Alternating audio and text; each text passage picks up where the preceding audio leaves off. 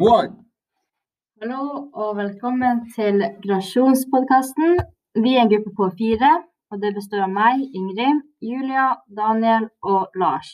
Og vi har valgt problemstilling to, så vi skal vurdere hvordan tilgangen til naturressurser mulighet, muliggjorde utvikling av teknologi og den oversjøiske europeiske ekspansjon og positive og negative etterfølgninger av emigrering.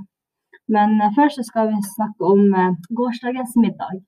Så eh, Lars, hva du hadde til middag i går?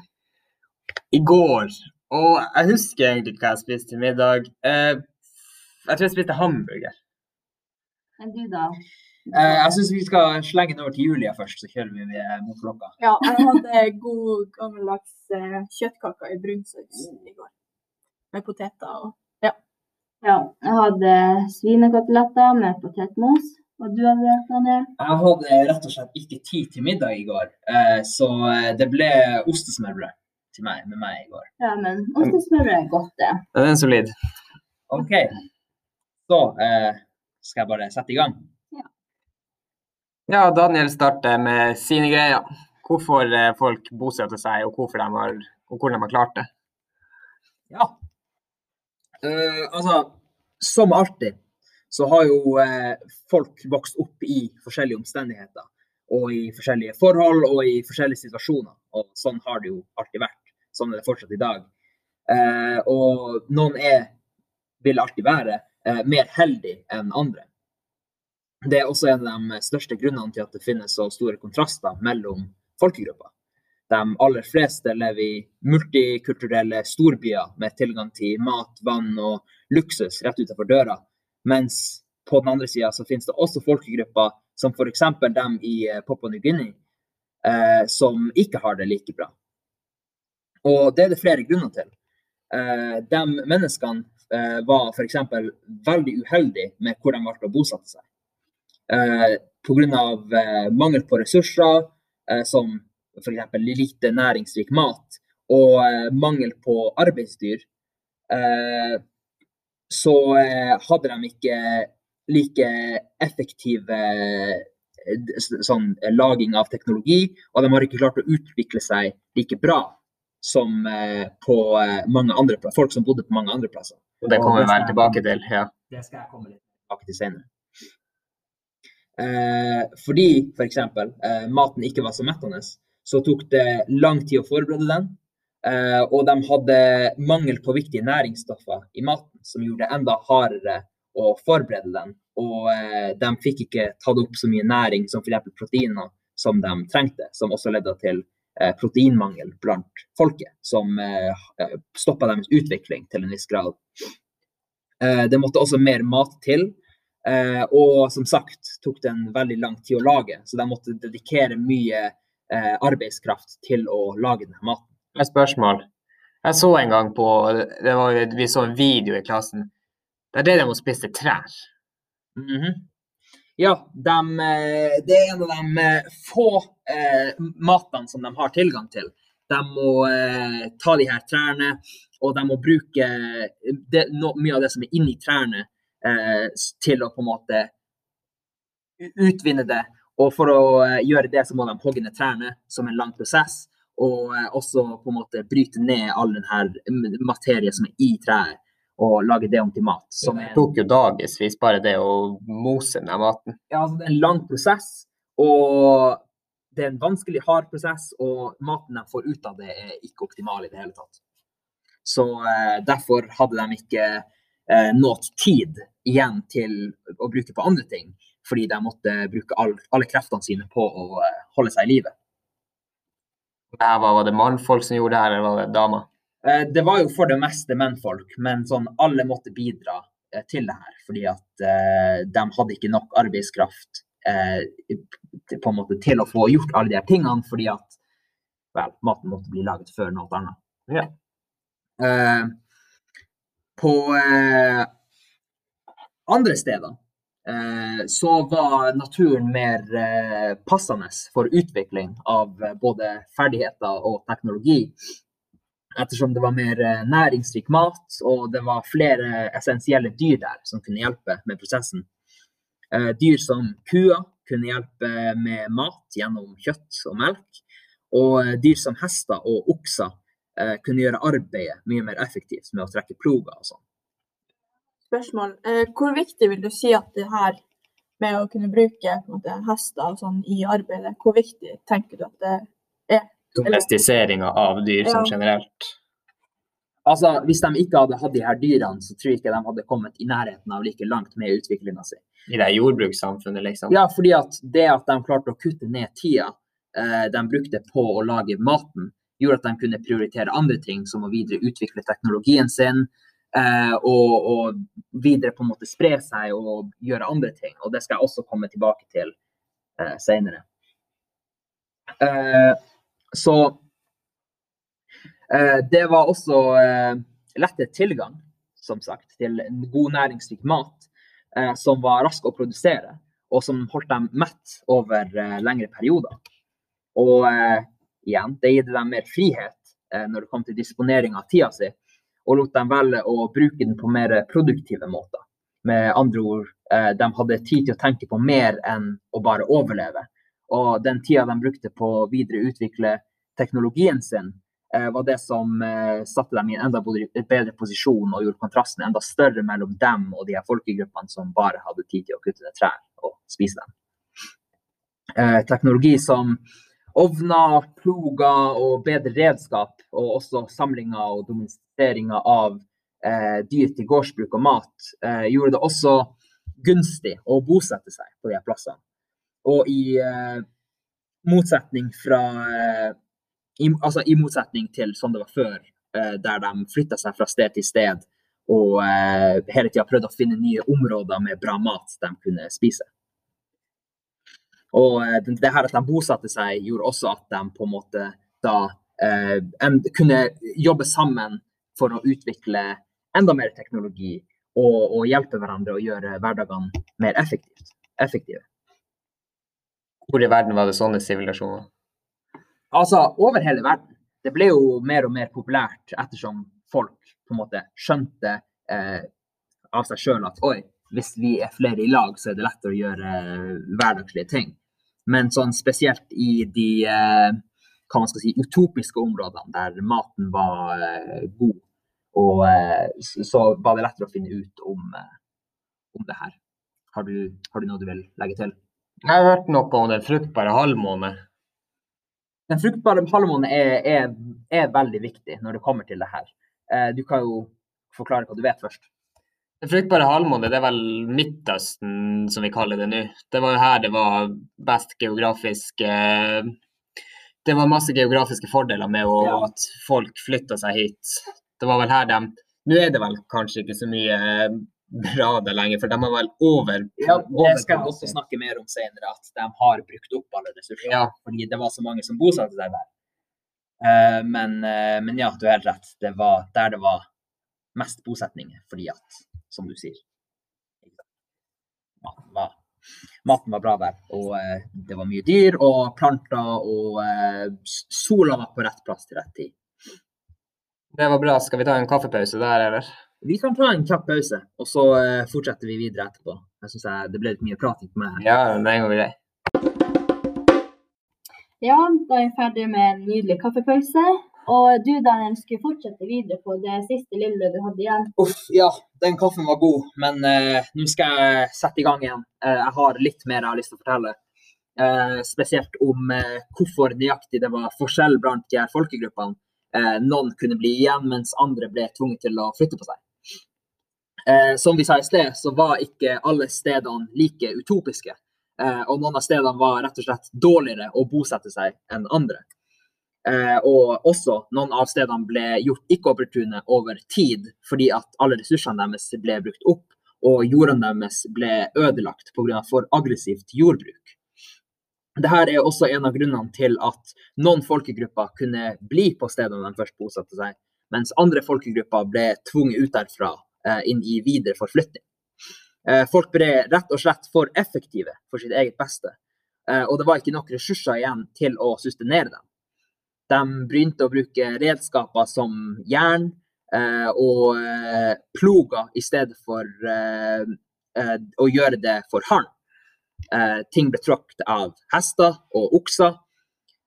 Og derfor gikk ting til slutt mye raskere enn det de gjorde før. De bosatte seg på steder rike i mat og full av brukbare dyr og ressurser. Og de her ressursene virka endeløse først. Og Det er derfor det ikke var noe problem med å bruke mer og mer av dem, og på en måte kaste mer flammer på bålet eh, og gjøre seg sjøl mer effektiv. Fram til eh, de her ressursene begynte å bli brukt opp. Og eh, de gikk til slutt fra å være eh, nær, tilnærma lik endeløs til å være fornybar, eh, til betinga fornybar, til å så til slutt eh, bli eh, nesten helt utrydda på visse steder.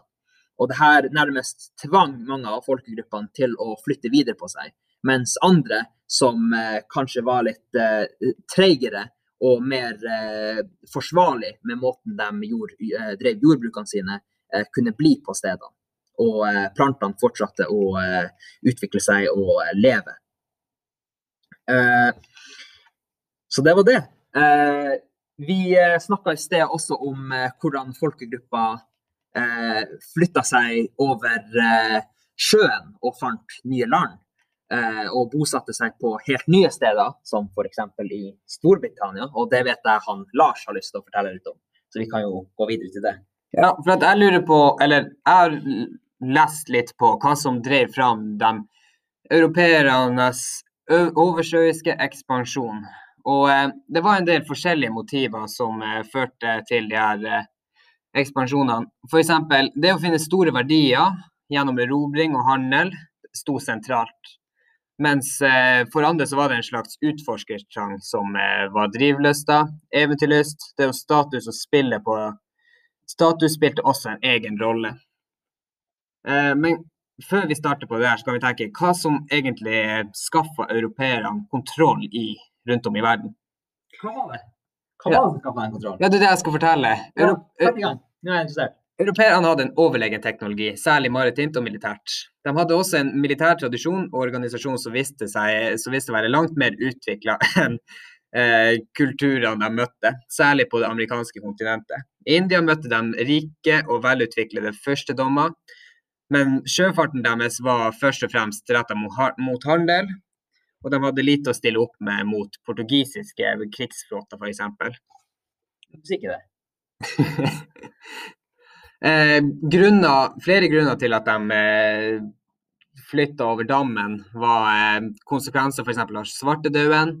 Det var eh, mye feilslåtte avlinger. Det var folk eh, med erfaring døde ut. Ikke nok med det, så ble det også kaldere rundt om. Verden ble kaldere, og eh, det var dårligere sanitære forhold. Eh, og da går vi videre til mitt neste spørsmål. Hvordan teknologiske forbedringer var viktig for forutsetning, forutsetningene for at europeerne kunne gjennomføre lange sjøreiser. Evnen til å navigere på åpen sjø var en av de største eh, fordelene. Eh, de lærte seg hvordan de kunne navigere ved hjelp av kompass. Og da, dermed kunne de finne veien til India, f.eks. Eh, en av de viktigste teknologiske nyvinningene på 1400-tallet var nye måter å bygge båter på.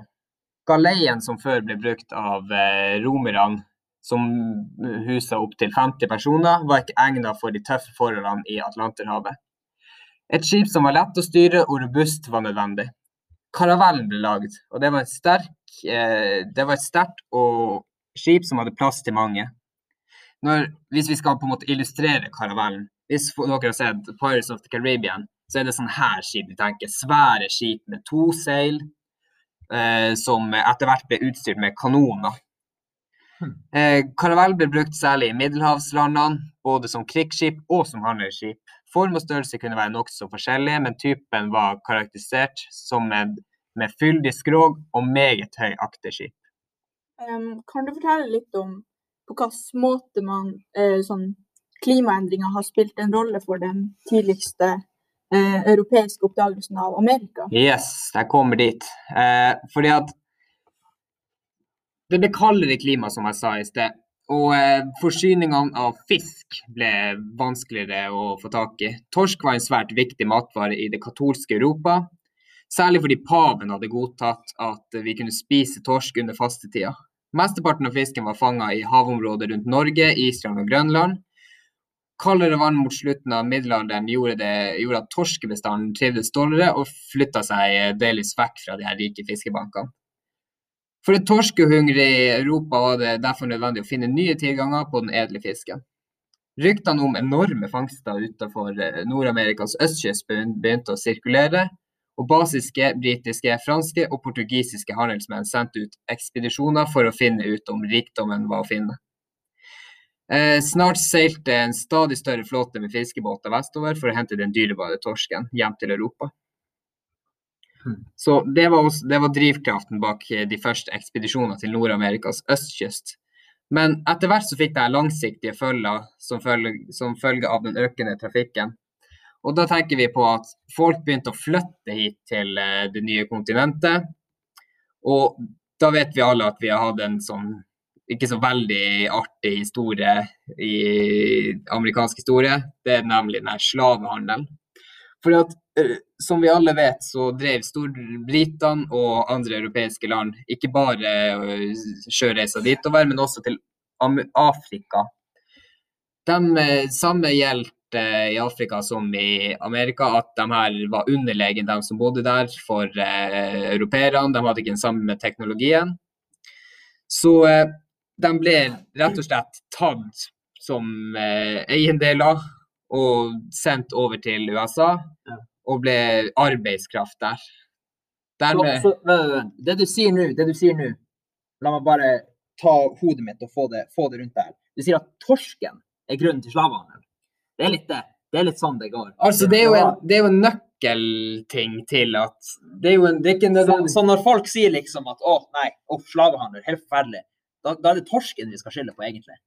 Ikke nødvendigvis. Liksom, torsken var jo Det er litt torsken sin feil, egentlig. Hvis ikke vi hadde hatt torsk, så hadde det ikke, hadde det ikke vært hungersnød her for torsk. Nei, ikke sant? Og da hadde vi jo kanskje ikke flytta oss til Nord-Amerikas østkyst i utgangspunktet. I hvert fall ikke så tidlig. Ja, og folk kaller meg gal for at jeg ikke spiser fisk. Det er jo ikke det er jo, De er jo litt dumme, de torskene. Ja, men det er jo sånn du sier, at kanskje det. Men det er ikke bare negative konsekvenser av de her kulturmøtene til europeerne. Så eh, kanskje vi ser på noen av de positive. Ingrid? Ja, la oss, la oss gjøre det. Eh, ja. Um, positive fordeler med hvordan teknologi og naturressurser har medført at folkegrupper emigrerer. Eh, de flytter seg fra sted til sted det var lett tilgang på mat, og det førte til at befolkninga måtte Eh, på dyr, og de jakta på dyr med redskaper som pil og bue. De lærte seg å ta med dyra, noe som var en god fordel både for jakt videre og jordbruk. Store dyr som hester kunne brukes som muskeljordbruk. Dyr som ulver kunne brukes som et hjelpemiddel på jakt for å spore og drepe andre dyr. Og videre har de utvikla bedre jaktredskaper av jern. Eh, dyr er også en grunn til hvordan mennesker ikke ble utkonkurrert av dyrebakterier. Nye avkom fra mennesker ble vokst opp med dyr og ble ikke like fort syke som andre som ikke har vært i nærheten av dyr. Ja, vi ble få, der tenk, jeg husker jo f.eks. der i Når europeerne flytta seg til Amerika, så var jo De hadde jo med seg, sånn som du sier, masse nye sykdommer. De hadde lært seg å bli immun mot de sykdommene. Mm. Og det hadde de ikke i USA. Correct. Eller USA, det heter jo Amerika. Nye, Amerika. Ja. Så de utrydda jo dem, ikke bare med våpen, men også med sykdommer. Ja. Så det er jo en veldig positiv eh, effekt av det her for europeerne. Ja. Fortsett. Eh, emigrering førte til dannelse av store byer, noe som også er positivt. For store byer vokser til at mennesker utvikler seg fra uvitenhet om verden til å oppdage nye oppdagelser, som portugisere oppfant kvadranten på 1460-tallet, og de hadde kompass som gjorde det lett å finne navigasjon fra nord og sør. Og de klarte å finne ut breddegraden, men det var mulig å finne ut av lengdegraden. Eh, det viktigste oppfinnelsen var jo skipet, som Lars snakka tidligere om. at Det er jo sånne svære skip vi snakker om, som kunne fære over Atlanterhavet. Vasco da Gama fant sjøveien til India, der etablerte portugisene handelsstasjoner og krydderimporten, som gjorde Lisboa til en av de viktigste anleggsbyene i Europa. Det var begrenset hvor mye portugisene tjente på det, da turen til India tok over ni måneder og lasteplassen var liten. Um, konsekvenser for ettertida var at portugisene dro til Brasil, etablerte seg der og lagde sukker og kaffeplanter. De fikk uh, Hva skjedde med musa? Nei. Ødela det nå. Vi kunne Kan du bare. Eh, Grunnet litt tekniske problemer, så må vi eh, fortsette der vi slapp. Ingrid? Ja, portugiserne dro til Brasil og etablerte seg der og lagde sukker og kaffeplantasjer. Eh, De fikk de innfødte til å jobbe, noe som gjorde at mange av de døde da de ble syke og klarte ikke å jobbe så hardt i det varme været. Malaria og kopper hadde europeerne tatt med seg, som tidligere ikke hadde eksistert i Amerika. Har Eh, de ikke kopper i Amerika? Sorry, jeg måtte, jeg måtte stoppe det der. Hva de drakk fra, da? Jævlig gøy. Det var en sykdom, som alle vet. Kristoffer Christopher Columbus han oppdaga Amerika på en tur som egentlig skulle gå til India 1992. Og det gjorde den spanske kongen og dronningen lagde plantasjer der de fikk de innfødte til å arbeide. Og det gjorde at mange av innfødte Hernan Cortes kom til den meksikanske halvøsten. Der dro han til et vakkert sted som heter Tenochtitlán. Der var det en mektig keiser som han styrte ikke på en bra måte. Han ble til slutt steinet til døden, og etter lang tid krig klarte spanierne å erobre Tenochtitlans. Og de lagde plantasjer der, og de fikk innfødte til å jobbe der. De innfødte døde av malaria og hoppsykdommer som spanierne hadde tatt med. Men de døde av syflis, som så alle døde. Tenochtitlanes er i dag ikke en by lenger, men den største byen der Mexico City er bygd opp på den gamle byen.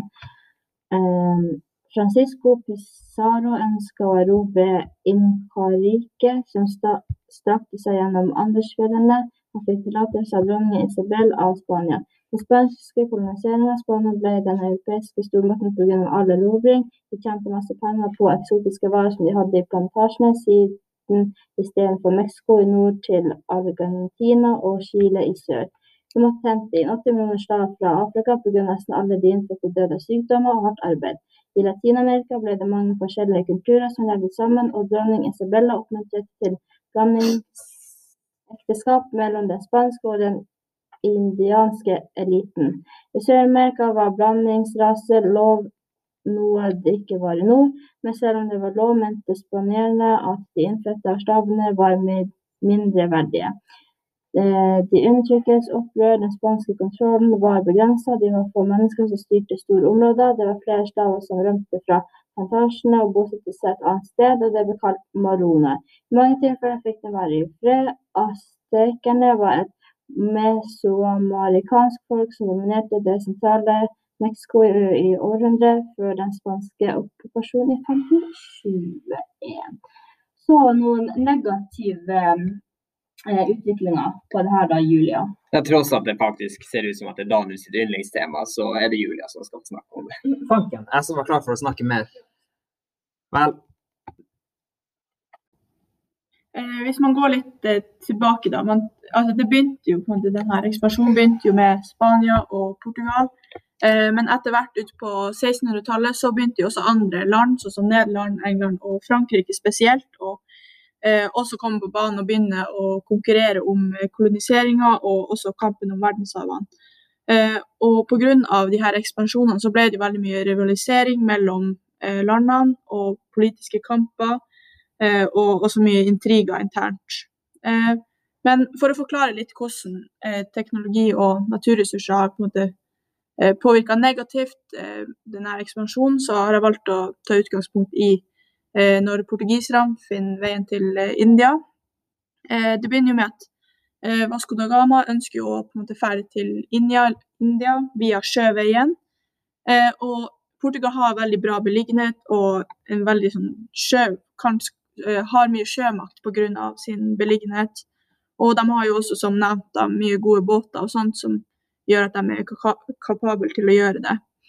Eh, en av utfordringene da med de her reisene er jo at de, på måte, de hadde jo kompasset, som var positivt, men de klarte ikke å finne ut av eh, lengdegraden enda, sånn at var, de hadde ikke noe mål på, måte, på hvor eh, nøyaktig de for på måte, øst eller vestover.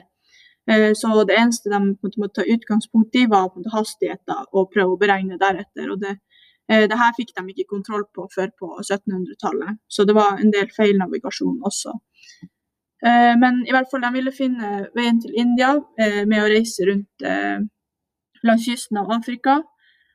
Og langs der da så tok de, jo gans, tok de seg veldig til rette og gikk i havn langs med kysten der og tok til seg mye eh, gull og elfenbein, og ikke minst slaver, som er veldig eh, sentralt i denne ekspansjonen og hvor de mishandler dem. Eh, og En utfordring også var det at veien mot India den var jo ganske tøff, sånn at de eh, mista veldig mye båter og mannskap på veien i og med at det var såpass mye sjø, og de ikke helt kunne måte, beregne hvor lang tid de ville bruke pga. denne lengdegraden. Um, men uh, når de kom da, til India, grunnen til at de ville komme dit, er jo fordi at det var der det var ressurser, og da spesielt krydder, som var en av de godene som India hadde. Uh, men de klarte aldri å lage noe veldig bra handelsavtale med dem. og eh, India var ganske smart, fordi de økte prisene på varene i det som Eh, portugiserne eh, kom til land. og eh, så de klarte ikke å skape noe økonomisk vekst som var det ønsket de hadde. Og I tillegg så tok det ganske lang tid å komme seg dit, flere måneder. Så det var veldig lite lønnsomt, og de klarte ikke å importere nok. Så av denne grunnen da, så begynte de å oppsøke Sør-Amerika i stedet. Men i utgangspunktet da, så var det jo spanierne som hadde oppdaga kontinentet først. Og Columbus han satte i gang denne reisen vestover med støtte fra den spanske dronninga Isabella eh, i et forsøk på å komme da, til India. Men de kom jo ikke lenger enn at når de kom til Sør-Amerika, så mente de at de var kommet til India, noe de ikke var. Eh, så eh, eh portugiserne så at det var lettere å dra hit til Sør-Amerika enn å ta, eh, ta veien til eh, India. Eh, og de bringte jo med seg veldig mye sykdommer. Vi har jo sånn Svartedauden er jo et eksempel på, på litt sånn ekspansjon av handelsavtaler som kom til Norge. Eh, og til å jobbe på de her markene, mark, eh, markene så tvang de innfødte i Sør-Amerika til å jobbe der. Og det var ganske hardt arbeid kombinert med varm, ganske mye varme. Og de sykdommene som herja, i tillegg som eh, europeerne brakte med seg. Og her var jo malaria og kopper var jo eh, på en måte hovedproblemet med de sykdommene. Og eh, ingen i Sør-Amerika hadde jo noen form for eh, immunitet mot de sykdommene her. Eh, etter hvert så ble de innfødte avløst av slaver, som jeg nevnte litt i sted. at eh, som De på en måte henta jo bare ut eh, slaver fra Afrika, og det ble på en måte nesten bare gjort som en, en handelsavtale eller bytte mot noe annet. Uh, og det viser jo det at når man ser tilbake på de her oppdagelsene som de ulike uh, europeiske landene gjorde, så tok de jo veldig makten fra de andre landene, uh, undertrykte de innfødte og tvangsinnførte jo religion, og spesielt da kristendommen. Og tok slaver og utvaska kulturen og språket.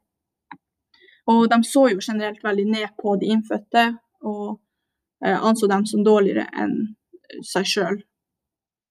Um, og det, hvis man kan se på en måte kulturmøter litt som måte, i lys av denne ekspansjonen, da, og da mellom Latin-Amerika og spanierne, så eh, Latin-Amerika ble på en måte til en befolkningsmessig og kulturell sånn, smeltedigel. Eh, I starten av koloniseringa så oppfordra faktisk dronning Isabella i Spania til at han skulle begynne å blande rasene og inngå blandingsekteskap mellom de spanske kreolene og den in, eh, indianske eliten. Og Da var det faktisk lovlig at hvite og svarte, og også den innfødte befolkninga, kunne blande seg med hverandre. Eh, noe som er i motsetning til hvordan det var i Nord-Amerika.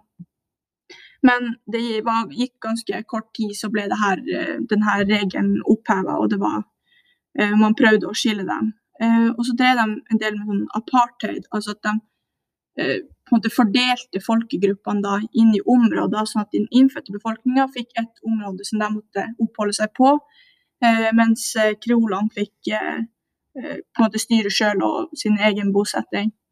Eh, og de hadde jo, Spanierne innførte også et sånt eh, klassifikasjonssystem, som jeg nevnte litt om det her med at de ville da skille rasene. Men problemet med det her var at de ikke klarte å holde kontrollen, fordi at de var jo ikke eh, nok folk til å på en måte, holde kontroll på så mange folk. For var, eh, Sør-Amerika var jo ganske mange flere enn eh, spanjolene. og eh, de, de, fikk ikke tilstrekkelig heller med slaver. Og det gjorde jo at de, de på en måte kolonis, den koloniseringa ble på en måte litt svekka også, fordi at de ikke hadde et så eh, veletablert vel administrasjon. Det var lett å gjøre opprør. Eh, så man ser jo det at med teknologi og tilgang til ressurser, så har det jo skapt ganske mye eh, ja, både positive og negative konsekvenser. Men for å oppsummere på en måte både ekspansjon og kulturmøtene, så kan man jo se at pga. ekspansjon så har det forma landene Eh, til hvordan det er i dag. Og man kan jo se på de, de trekkene som skjedde for ganske mange år tilbake, også i dag. Eh, og det er jo kristendommen, eller religion generelt, da, som har fått veldig eh, innflytelse fra europeisk kultur. og språket, ikke minst, hvor man Sånn som i Sør-Amerika, så snakker de fortsatt spansk eller portugisisk. Og kulturen er jo også helt klart påvirka. Eh, smitte var jo et veldig stort problem på den tida her spesielt, og hvor man ikke hadde så mye kunnskap om vaksiner og sånt. Eh, et eksempel er jo Aztekerriket, som ble erobra av spanjolene. Og eh, de ble jo ramma av ganske masse sykdommer. Og i en tidsperiode, for å sette det litt i perspektiv, da, på 30 år så var befolkninga gått fra 25 millioner til ja, under 2 millioner. Så det sier jo ganske mye om hvor mye, den, mye smitte de brakte inn i landet. Så det er jo ingen tvil om at uh, europeerne har hatt ganske stor innflytelse også på hvordan ting er i dag. Ja, og det var vel egentlig det vi hadde. Jeg er helt sikker på at hvis du har fulgt med nå, så har du mest sannsynlig lært noe du ikke kunne fra før. Så um, takk for nå. Ha det bra.